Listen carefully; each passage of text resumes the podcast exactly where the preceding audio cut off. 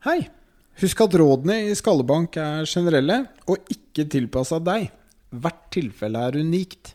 Derfor anbefaler vi at alle med hjernerystelse eller mistanke om det oppsøker kompetent helsepersonell for en individuell vurdering. Her kommer episoden.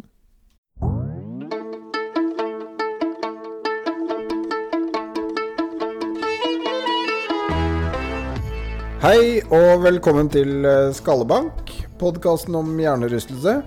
Jeg er Narve Bjørneseth. Og jeg er Lars Martin Fischer, og i dag skal vi fortsette å prate litt om eh, veien tilbake, da, eller om tid. Tiden etter hjernerystelse. Eh, for nå snakka vi jo sist litt om det, mye av det fysiske aspektet. Liksom hva gjør vi?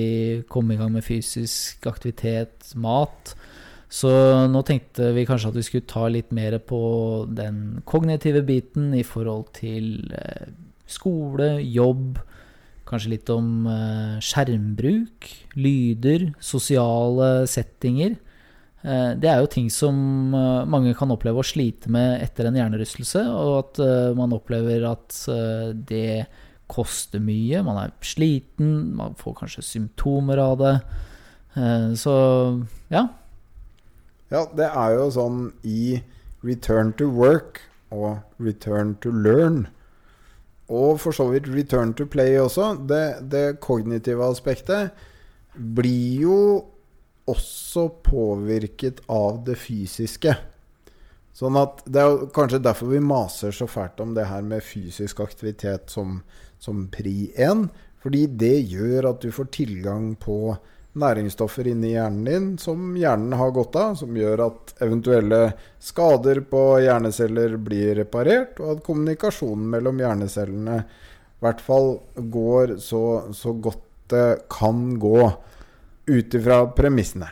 Ja, så det betyr jo også at mange kan jo kanskje oppleve å, å bli bra kun med, med litt eh, tilrettelagt trening. Eh, mange blir jo bra av seg selv uansett, men, men at man kanskje ikke trenger så mye spissa tiltak eh, for eh, skjermbruk eller eh, lesevansker eller lydømfintlighet. Nei, vår erfaring med akutte hjernerystelser er at det er det fysiske som faktisk betyr mest. Men da er det jo også noen som, når de klarer denne fysiske eh, kapasitetstesten på tredemølle som vi snakket om, så har de fortsatt kanskje symptomer. Og da nevnte vi jo i sted at det er en del andre ting man kan teste. Syn, eh, balansefunksjon, nakkefunksjon etc. Og en del av de testene innebærer også at man, man får innblikk i om personen opplever at de får fortsatt økt symptomer av å bruke hodet. Altså enten av å sitte og jobbe foran en skjerm der det er mye synsinntrykk, eller rett og slett bare å sitte og tenke. Prøve å lese en bok og huske det som står der. Sånne type ting. For da er det en del av rehabiliteringen at man kanskje må fokusere på de oppgavene så lenge det fysiske da er i orden. Ja, og så må man kanskje tenke litt eh, som en idrettsutøver på vei tilbake etter en skade også. At man må porsjonere ut skjermtida, man må porsjonere ut lesingen. Man kan kanskje ikke henge med venner sammenhengende eh, over lengre tid, men at man kanskje stykker det opp litt. Ser hva funker én dag. Og så var vi litt innom den 24-timersregelen. Eh, hvis det går greit eh, dag med den belastningen du har hatt, og det er ikke bare fysisk, eh, det er også kognitivt belastende ting, så kan du da øke på neste dag. Og hvis det går helt skeis, da Jeg har økt, jeg får mye mer symptomer neste dag. Da er jeg fucked, da, eller? Nei, heldigvis så er du ikke det. Men da skal du få tid til å komme deg igjen, og så vet du at det var litt for mye. Men du kan være trygg på at uh, du vil ikke forlenge uh, forløpet ditt. du vil ikke få noen langvarige plager av at du har pusha litt for hardt. Så sånn jevnt over så går det kanskje litt bedre med de som presser seg litt enn de som er veldig forsiktige og veldig redd for å trigge symptomer. Ja. Og det er sånn at hvis du har gjort eh, La oss si litt for mye en dag, da. Sånn at du har I går gikk jeg en tur, i dag prøvde jeg en joggetur og gjorde sudoku samtidig, og så får jeg masse symptomer, så er regelen veldig enkelt. Da, da går du tilbake, tilbake til det nivået du klarte sist, og så er du der en dag til før du øker neste dag igjen, for å se om du takler det da. Og som Lars Martin sier, altså det er det skal være noen logiske økninger her. Det, det, er noe med at hvis du går rett fra å ligge i senga til neste dag og løpe en maraton, så er det gapet veldig stort. Men hvis du går fra å ligge en dag i senga til å gå en veldig rolig tur, så er det kanskje noe du takler helt fint. Så man må se det litt i forhold til hverandre. Ja, jeg hadde heller ikke klart å løse sudoku mens jeg var på joggetur, tror jeg. altså. Ja, det klarer jeg lett. Uh, mulig jeg er veldig spesiell. ja, så, så, vi snakker om uh, return to play er et sånt uh, velbrukt begrep uh, innenfor vår bransje. Men det er jo veldig mange som får hjernerystelse som ikke er idrettsutøvere. Faktisk regner man med at halvparten av hjernerystelse det skjer utafor idrettsbanen. Så det er jo folk som skal tilbake til skole, tilbake til jobb. Og da må man kanskje også porsjonere ut det. Altså, du kan ikke gå tilbake til 100% jobb og forvente at det skal bare skli eh, uten problemer med en gang. Du bør kanskje ikke sende sønnen din som har fått en hjernerystelse, til en full dag på skolen eh, første dagen han skal tilbake. Nei. Så det vi anbefaler der, er jo en gradvis opptrapping der også. Man snakker kanskje om en uke med noen halve dager, og så andre dager fri. Og så øker du kanskje til fulle dager med noen dager fri. Og så øker du neste gang at du har fulle dager, og så de tidligere fridagene blir halve dager. Og så avslutter du med fulle dager hele veien, eksempelvis. Og det er en måte man kan fordele eh, byrden litt over tid, sånn at hjernen får tid til å tilpasse seg. Det er ikke alle som trenger at man gjør det så grundig og så sakte. Noen klarer å ha eh, litt kortere dager en uke, for så å gå på fulle dager neste uke. Så dette er individuelt. Ja, og det er jo Det du snakker om her, er jo at man må tilrettelegge liksom rammene for hvordan man skal få delta på skole eller delta på jobb. da.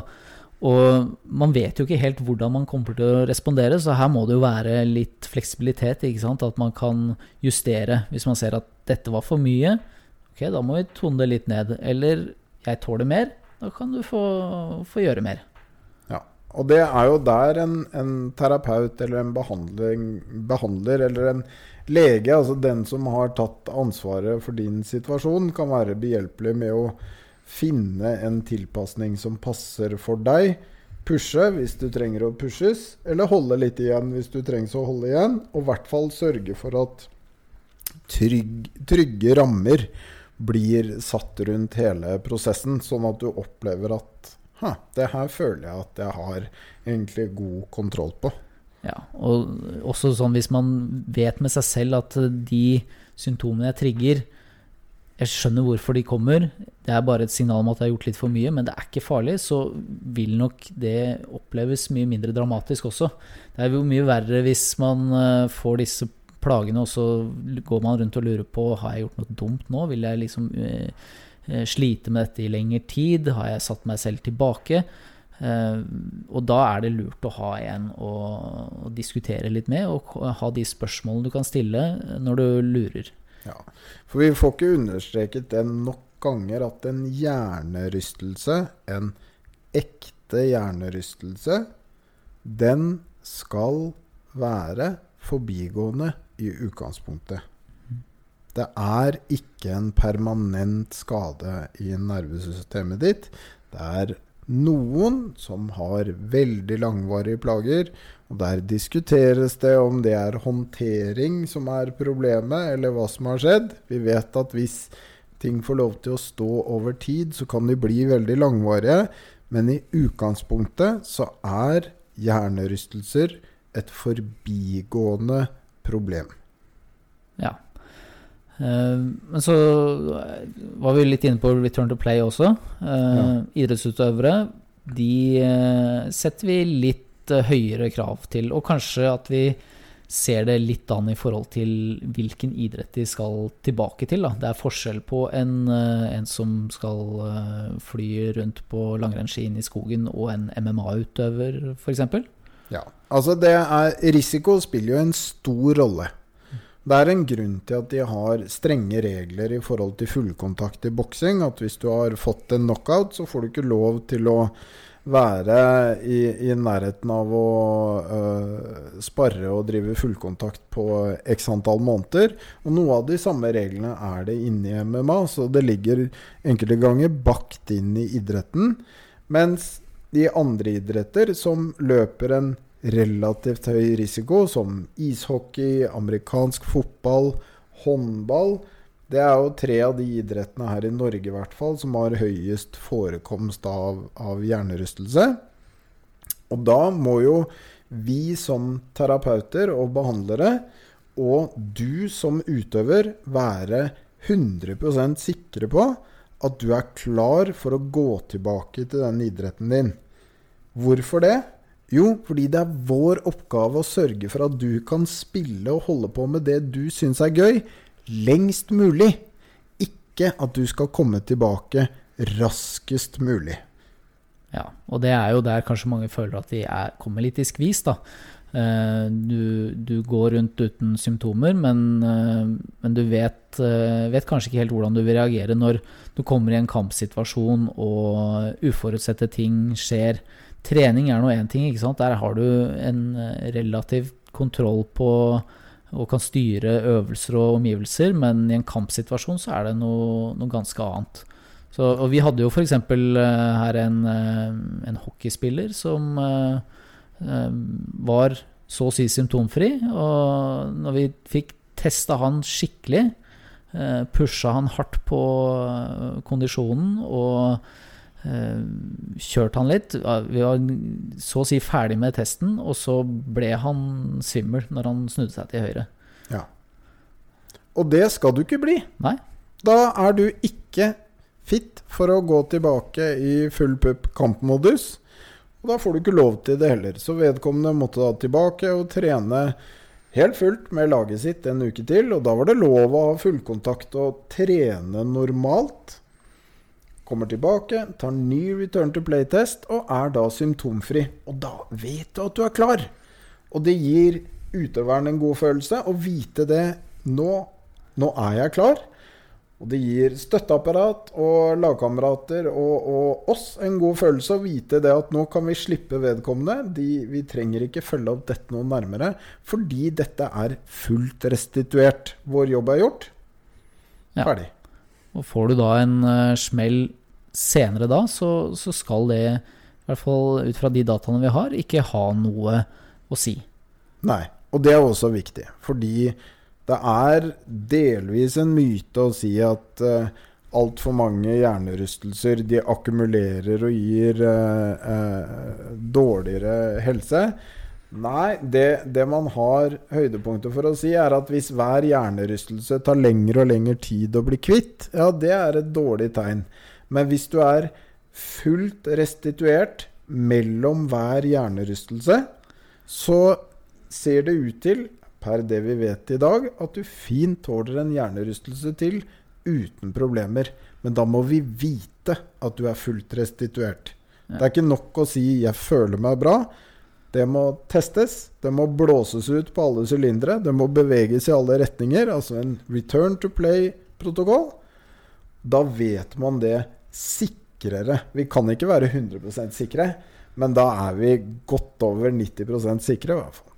Ja, det er, eh, er vel kanskje det vi, vi, mistenker, da. Men eh, at, at håndteringen før i, i, idretten har vært uh, mangelfull.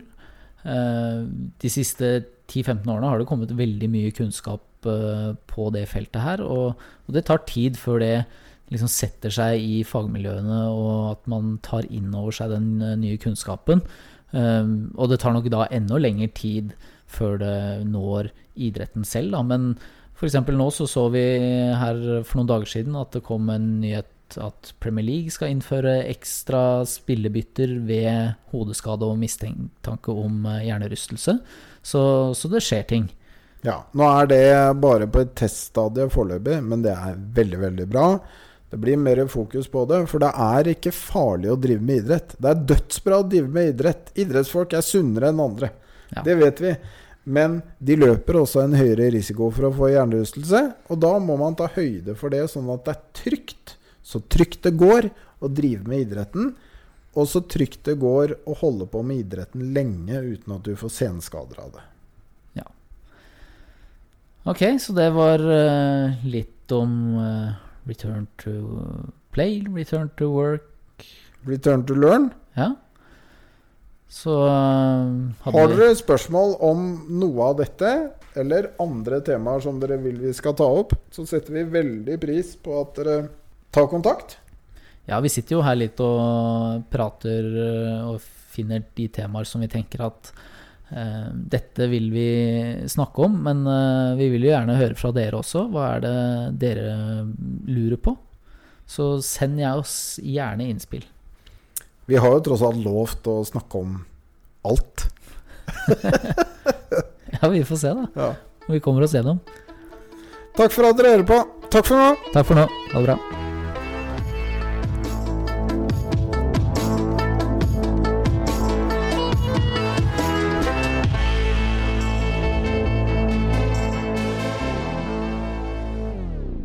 Hei, Lars Martin fra Skallbank her. Har du ris, ros, tilbakemeldinger, spørsmål, send oss gjerne en mail på skallebankpod at gmail.com. Du finner oss også på sosiale medier. Skallebank hjernerystelse på Facebook og Instagram.